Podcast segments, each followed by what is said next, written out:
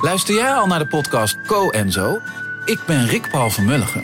Ik ben Nina de Lacroix. En samen met jouw man René voeden wij twee kinderen op in twee huizen. Co-ouderschap. We hebben het over alles wat je daarin tegenkomt. Maar ook over de juice tijdens onze kinderloze dagen, want die heb je ook in het co-ouderschap.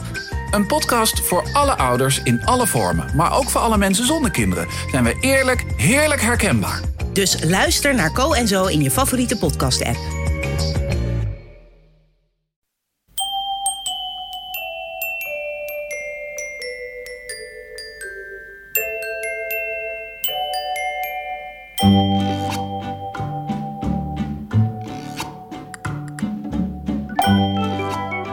Welkom bij aflevering 191 van de Echt Gebeurd podcast, waarin waargebeurde verhalen worden verteld door de mensen die ze zelf hebben meegemaakt. Deze week een verhaal dat Eva van de Water vorig jaar bij ons vertelde tijdens een middag rond het thema Slechte beslissing.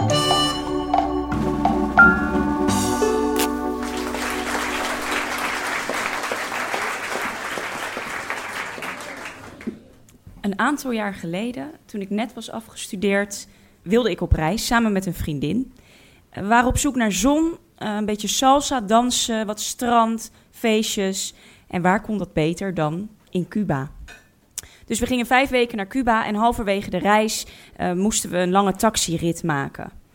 Um, we hadden beide een grote koffer, backpacks op een of andere manier hadden we niet aan gedacht. Grote koffer. En mijn vriendin uh, is fotografe, dus die had een hele grote tas bij zich, nog extra. Met haar dure camera, lenzen, dat soort dingen. Een hele uh, waardevolle tas. We stapten de taxi in en die taxi dat was zo'n hele grote oude Amerikaanse auto, zoals je die in Cuba hebt. En die deuren die krijg je bijna zelf niet open. Dus de taxichauffeur over het algemeen doet dan de deur voor je open. Jij gaat erin en hij knalt ook de deur weer dicht. En je kan er dus niet uit zonder de hulp van die taxichauffeur. Dus goed, koffers achterin, cameratas toch maar eventjes voorin. Uh, deur werd dichtgeknald aan onze beide kanten en we maakten de reis. Vijf uur later stapten we uit en uh, de taxichauffeur deed de deur weer open voor ons. We stapten allebei aan één kant uit en we gaan naar binnen naar onze casa, zoals dat in Cuba heet, de, het gastverblijf. Super mooi huis, heel hoog, heel oud. Uh, allemaal mooie schilderijen aan de muur. Dus we hebben daar de hele avond plezier gehad van de mooie schilderijen. En uh, samen met de gastheer lang gepraat. Prachtige avond gehad. Totdat we naar bed gingen en nog eventjes onze spulletjes bekeken. En dachten, die cameratas is niet uit de taxi gekomen. Allebei helemaal in paniek, want ja, daar stonden al onze vakantiefoto's op, los van het feit dat daar minstens 3000 euro in die cameratas zat. Oké, we bleven rustig. We dachten, weet je wat we doen? Uh, we gaan de taxicentrale bellen van het dorpje waar we vandaan kwamen. En dan gaan we proberen erachter te komen wie onze taxichauffeur was en of die cameratas nog in de taxi staat. Want we wisten in ieder geval zeker dat hij wel in de taxi was gekomen, die tas.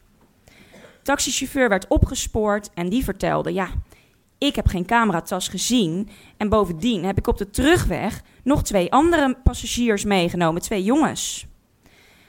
Nou, wij wilden die jongens eigenlijk gewoon gaan opsporen. Cuba, eh, we hadden zoiets van, weet je, dat, uh, dat kan. Dus de volgende dag, uh, we hadden gevraagd welk dorpje dat dan was. Nou, dat was geen dorp, dat was het platteland, Otero. En uh, de volgende dag vroegen we op straat van, goh, wie wil ons daarheen rijden? Wie spreekt er Engels? We vonden een vriendelijke man en wij gingen met z'n tweeën naar dat dorpje om die camera op te sporen en om die jongens natuurlijk uh, te vinden. Nou, die jongens die hebben we wonder boven wonder opgespoord. We hebben ze een jaar salaris aangeboden. Dat is in Cuba helaas maar 200 euro. Maar die jongens hadden de cameratas niet waarschijnlijk heeft die taxichauffeur die, die cameratas genomen. Dat weet ik niet zeker, maar dat is ons vermoeden. Maar goed, we moesten dus toch wel even aangifte gaan doen. Zodat mijn uh, vriendin, de fotograaf, haar camera kon gaan declareren. Maar om het verhaal dan net even iets erger te maken. En om zeker te weten dat die camera gedeclareerd kon worden. Bedachten we dat het beter was om te zeggen dat we waren beroofd. Dus nou ja, we hadden dan wel bedacht waar we waren beroofd. Dat was gewoon de straat eigenlijk waar we verbleven. Uh, even de straatnaam opgeschreven, even kort gekeken van nou, daar, die kant rende dan uh, die man op. En wij naar het politiebureau. Nou, je moet je voorstellen dat dat is zeg maar het politiebureau zoals dat hier in Nederland eruit ziet. En dan precies het tegenovergestelde. Dus uh, we werden in een hokje gezet. Nou, ik denk, daar was sinds 1940 niks aan gedaan. Uh, en er komt een hele lange Cubaan aan met zo'n grote snor. En die pakt een A4'tje, potloodje erbij en zegt... Dames, vertel het eens. Nou, wij daar in, in het Engels gelukkig ook uh, ons verhaal gedaan. Af en toe moest ik even in het Nederlands tegen die vriendin zeggen van... Goh, kijk wat zieliger. Hè? Want ja, we moesten, het moest echt overkomen. Um, dus we hadden ons verhaal gedaan. We moesten vertellen hoe die berover er dan uitzag.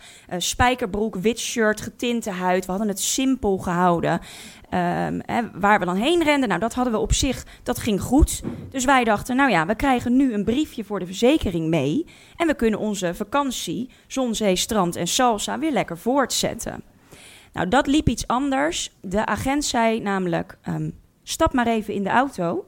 We gaan naar de plaats delict nou ja, dat hadden we natuurlijk niet helemaal zien aankomen. Maar we waren op zich nog steeds zeker van onze zaak. Want ja, we hadden tenslotte gekeken waar het dan gebeurd zou moeten zijn. Uh, dus wij met die agent um, uh, naar de plaats, plaats delict. En um, ook dat ging goed. Dus uitgelegd, die man is daarheen geremd, van de schouder getrokken. En uh, wij in paniek en gelijk zijn we hierheen gekomen. Ondertussen kwam onze gastheer, die dus uh, alle, al het geluid hoorde van buiten, die uh, uh, deed de deur open en die zag ons staan. Die schudde zo met zijn gezicht, want die wist natuurlijk dat wij hadden gelogen. En het enige wat hij kon zeggen was: You crazy girls. Um, op dat moment waren we nog, vonden we nog steeds niet dat we heel fout bezig waren, hè, want het was ook heel zielig dat die camera kwijt was. Maar op het moment dat wij dachten, nou, nu hebben we het laten zien, nu is het goed, zei die agent, ga even een telefoontje plegen. En dat deed hij in het Spaans, dus we wisten niet wat er gezegd werd. Um, dat werd één minuut later duidelijk toen er vijf politieauto's aankwamen rijden. Of eigenlijk, het waren zelfs uh, uh, legerauto's. En daar stapte dus per auto vier of vijf man uit. Dus er stond een, ja, een hele legerclub voor ons. En die gingen de, de straat even uh, doorzoeken. En niet alleen de straat, die gingen het, de hele stad ondervragen.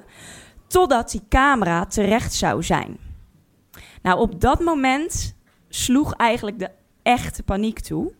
Uh, niet alleen bij ons, maar ook bij onze gastheer. Want die zei namelijk dat hij aan de kleur van de auto's en de kleding van al deze uh, ja, mensen kon zien dat dit de hoogste militaire rang in Cuba was. Uh, die hier voor ons een uh, berover ging zoeken die niet bestond. Maar degene met wie we de dag daarvoor naar dat platteland waren gegaan, die woonde natuurlijk redelijk in de buurt. En hij kwam heel toevallig voorbij lopen. Dus ik ben naar hem toegegaan en ik sprak nog niet zoveel woorden Spaans. Maar wat ik wel wist was het woord silencio, wat stilte betekent.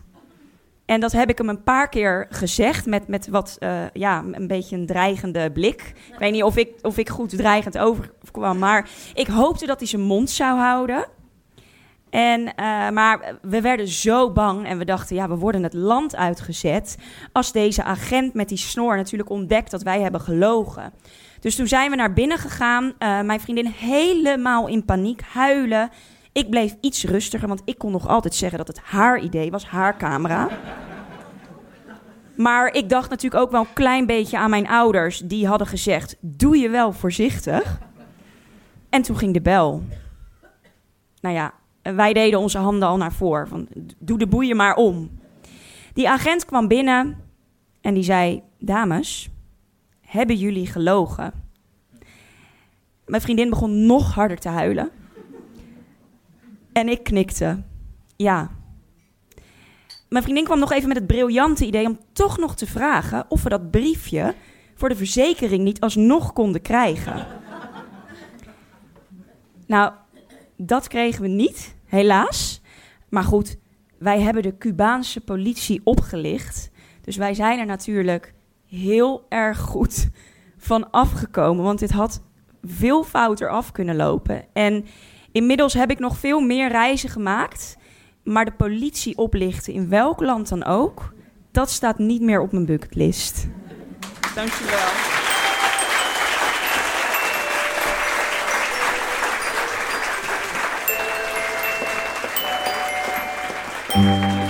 Dat was een verhaal van Eva van de Water. De reis waarover ze vertelde vond plaats in 2013. Tegenwoordig combineert Eva het nuttige met het aangename en reist ze als marketeer en koffieprofessional vaak naar Zuid- en Centraal-Amerikaanse landen. Op dit moment is ze daar weer aan het rondreizen in haar eentje. Ik ben nergens bang voor, mailt ze ons vanuit Honduras, maar de politie houd ik voortaan wel te vriend. Echt Gebeurd is een verhalenmiddag in Comedy Club Toemler in Amsterdam, elke derde zondag van de maand. Kijk voor meer informatie op www.echtgebeurd.net. De redactie van Echt Gebeurd bestaat uit Rosa van Toledo, Maarten Westerveen, Miga Wertheim en mijzelf, Paulien Cornelissen. Productie doet Eva Zwaving, zaaltechniek doet Nicolas Vrijman. De podcast wordt gemaakt door Gijsbert van der Wal. Dit was aflevering 191. Tot volgende week. En vergeet niet, silencio betekent stilte.